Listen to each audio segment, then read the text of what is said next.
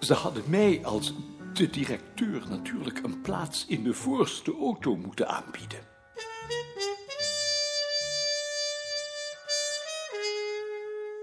Dag Bruin. Zo, koning. Aardig dat je gekomen bent. Ach ja, moet je horen. Voor hetzelfde geld had ik daar kunnen leggen. Mevrouw Nijhuis, geachte aanwezigen. Wij zijn hier bijeengekomen om Teun Nijhuis de laatste eer te bewijzen. Op een leeftijd waarop voor veel anderen het leven nog beginnen moet. Dat zo'n jonge man op zo'n jonge leeftijd, met nog een heel leven voor zich, uit ons midden wordt weggehaald, zou ons bitter kunnen stemmen als wij ons niet bewust waren dat God zijn eigen bedoelingen met ons heeft. En ik hoop uit het diepst van mijn hart, mevrouw Nijhuis, dat Hij u de kracht zal geven om in die zekerheid te berusten. Dag Teun, het ga je goed.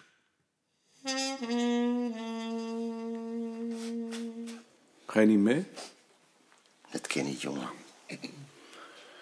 Maar meneer Beerta heeft mooi gesproken. Gaat wel.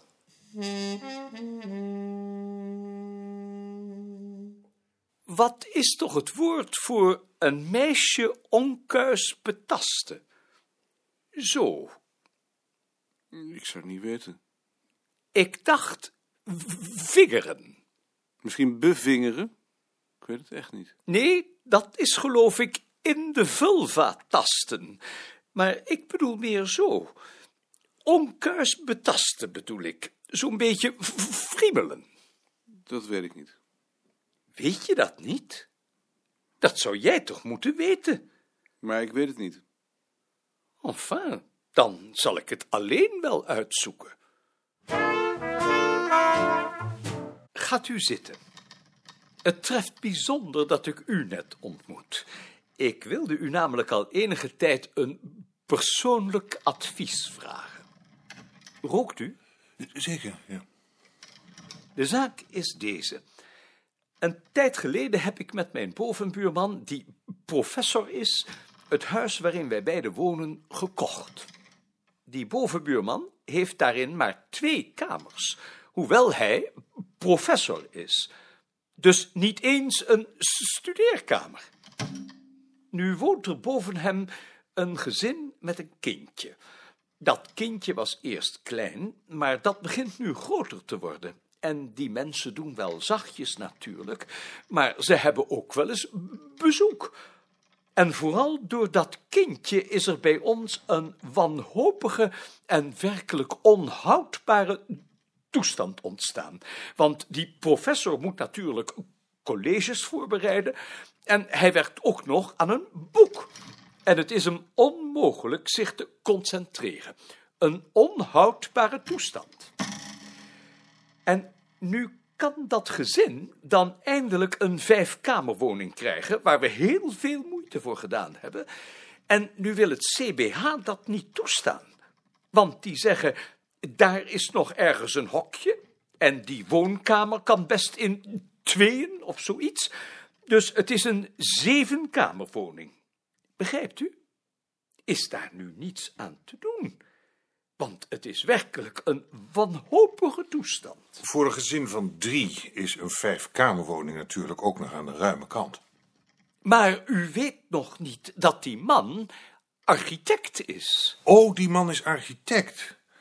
Dat verandert de zaak inderdaad. Hebt u dat ook gezegd?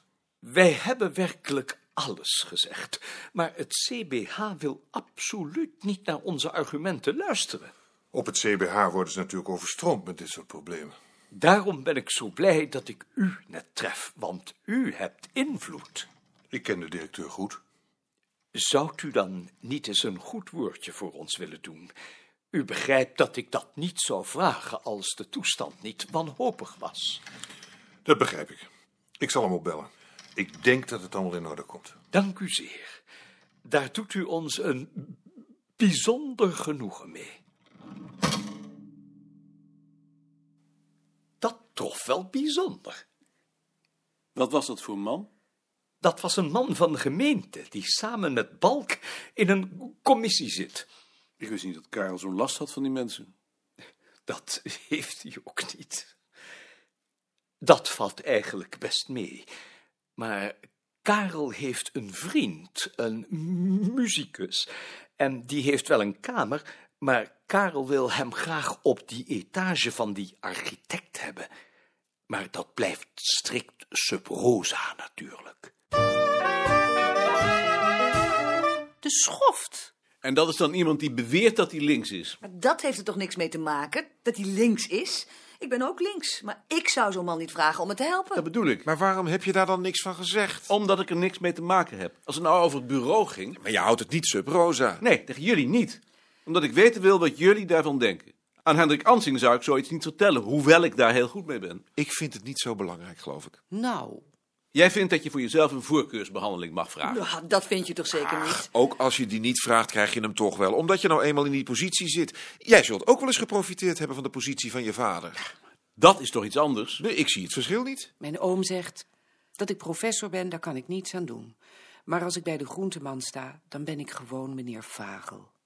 Dat is Mieter. Natuurlijk, zo is het toch zeker? Dat denk jij toch ook? Ik zou het zelf niet doen. Nou dan. Maar ik denk dat dat is omdat ik bang ben betrapt te worden. Door Maarten bijvoorbeeld. Ja, dat is natuurlijk een punt. Geef mij een man die zei wat waar is, als die duivel daar is. eh, Die doe wat recht is, ook als die rechter weg is. Die trouw aan zijn geweten, blij, ook als hij straf in plaats beloning krijgt. Zo is het. Van wie is dat? Dat zei mijn vader vroeger altijd. Maar je vader zal toch ook wel eens gebruik gemaakt hebben van zijn relaties? Voor je broer bijvoorbeeld? Dat vond ik dan ook onbegrijpelijk. En daar heb je ook niets van gezegd. Nee, vond ik te gênant. Als ik me schaam, dan kan ik niets meer zeggen. Dat begrijp ik niet. Ik zou daar geloof ik geen moeite mee hebben. Maar je schaamt je ook niet. Nee, ik kan me er niet zo over opwinden. Zo zijn de mensen nou eenmaal. En, Beerta is bovendien alleen. Mensen die alleen zijn, krijgen nooit een huis in deze maatschappij als ze geen kruiwagen hebben. Maar Beerta heeft wel een huis. Maar die jongen niet. Wil je nog wat drinken? Ik heb wel genoeg gehad. Ik wil nog wel een borrel. En jij dan ook maar? Heb je voor mij geen glaasje limonade? Nee, geef me dan maar een glaasje port. Ik zou nog wel eens langs de dijk naar Monnikendam willen lopen. Oh, dat is leuk. En Maarten? Op een zaterdag dan. Misschien kunnen we dan ook die Frans meevragen. En wat zeggen jullie ervan? Prachtig. Net echt. Wil jij misschien voorin zitten, Nicolé? Nee, nee, nee, u moet naast Karel zitten. Op de dodemansplaats. Heeft Anton al verteld waar we naartoe gaan? Hoe kan ik dat nou verteld hebben, Karel? Ze zijn er net. Ja, eh, wacht maar even hoor. Niemand heeft hier haast. Maar die man heeft misschien haast. Dan wacht je maar even. Op zondagochtend hoor je geen haast te hebben. De kerk begint pas over een uur. Toen nou, en spot niet zo. Misschien moet die man wel naar het ziekenhuis. Ja, naar zijn moeder zeker. Daar denk jij natuurlijk weer aan. We gaan eerst naar Oudewater, naar de heksenwaag. Dat is een idee van Anton. En die wil dat we ons daar laten wegen. Karel, je moet je beide handen op het stuur houden. Anton is maar bang dat we een ongeluk krijgen. Want dan is er maandag niemand op het bureau. Ja, dat is een obsessie van hem. Zie je wel? Zelfs je personeel heeft in de gaten dat je niet helemaal normaal bent. Pas op, En dan van Oudewater langs de Vlist naar Schoonhoven. pas op, een fietser. Je denkt toch zeker niet dat ik die fietsen niet zie? Eigenlijk zou ik hem voor straf eens moeten snijden. Karel, Wat kan jou nou één zo'n fietser schelen? Wij zijn ook fietsers en die moet je voorrang geven. Ja, zei ik vroeger ook, toen ik zelf nog fietste. Maar als jullie straks een auto hebben, dan denk je daar wel anders over. Nou, wij nemen geen auto hoor. Nee, wacht maar. Dat verandert nog wel. Wanneer heb je eigenlijk je rijbewijs gehaald? Zeven maanden geleden. En meteen geslaagd. Nee, de zesde keer. En weet je wat die man toen zei? En weet je wat die man toen zei? Meneer Ravelli zei die... Het is dat u het bent, maar anders zou ik niet graag bij u in de auto zitten. Karel! Ik zie hem heus wel. Kijk jij nou maar naar het natuurschoon. Oh nee, daar hou je niet van. Kijk maar naar de geveltjes. En naar Schoonhoven? Oh ja, ik was aan het vertellen. De bandpaal. Ja, die kennen we. En naar Schoonhoven? Van Schoonhoven gaan we langs de Leknawijk bij Duurstede. En daar heeft Anton nog een verrassing voor ons. Niet, Anton? Als we het er levend vanaf brengen, ja. En dan terug langs de Lange Lindschoten. Kennen jullie dat? We kennen alles, maar dan te voet. En op de fiets. Maar dat doe je toch niet op één dag? Vijf dagen. Te voet dan. Vijf dagen, daar zou ik nooit het geduld voor hebben. Dat is nou het mooie van zo'n auto, dat je het allemaal in een paar uur kunt zien. Dan krijg je ook een overzicht. Karel!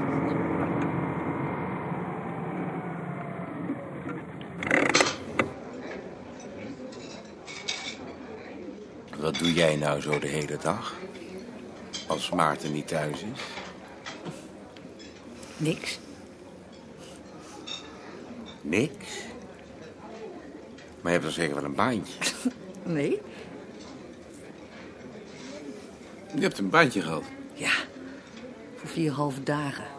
Toen jij ging werken ben ik mee uitgescheiden. Maar verveel je je dan niet? Ik geloof niet dat ik dat zou uithouden. Nee hoor.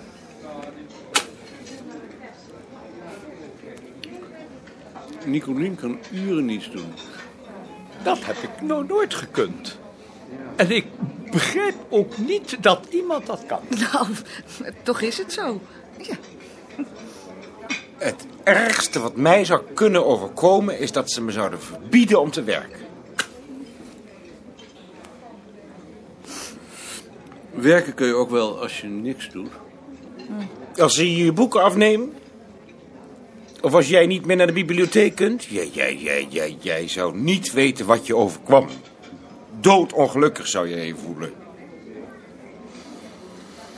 Je hebt toch altijd je hoofd nog? Je, je hoofd. Wat wou jij nou in godsnaam met je hoofd doen als je geen boeken hebt, geen papier, geen typewriter? Nou, versuch nur, von deinem Kopf lebt höchstens nur ein Laus. Het ergste wat je iemand kunt aandoen is hem verbieden om te publiceren. Dat sommige mensen na de oorlog een publicatieverbod is opgelegd, heb ik altijd heel wreed gevonden. Intellectuelen zouden elkaar zoiets niet mogen aandoen. Nee, publiceren mag je iemand niet verbieden. En jij zegt altijd dat je niet creatief bent. Dat ben ik ook niet. Maar publiceren doe ik wel. Ik vind het heerlijk om dingen over te schrijven. Dat heb ik van kind af heerlijk gevonden. En als hij het te moeilijk vindt worden, dan vraagt hij het mij. En dan zet hij zijn naam eronder. Dat is één keer gebeurd. En de andere keren.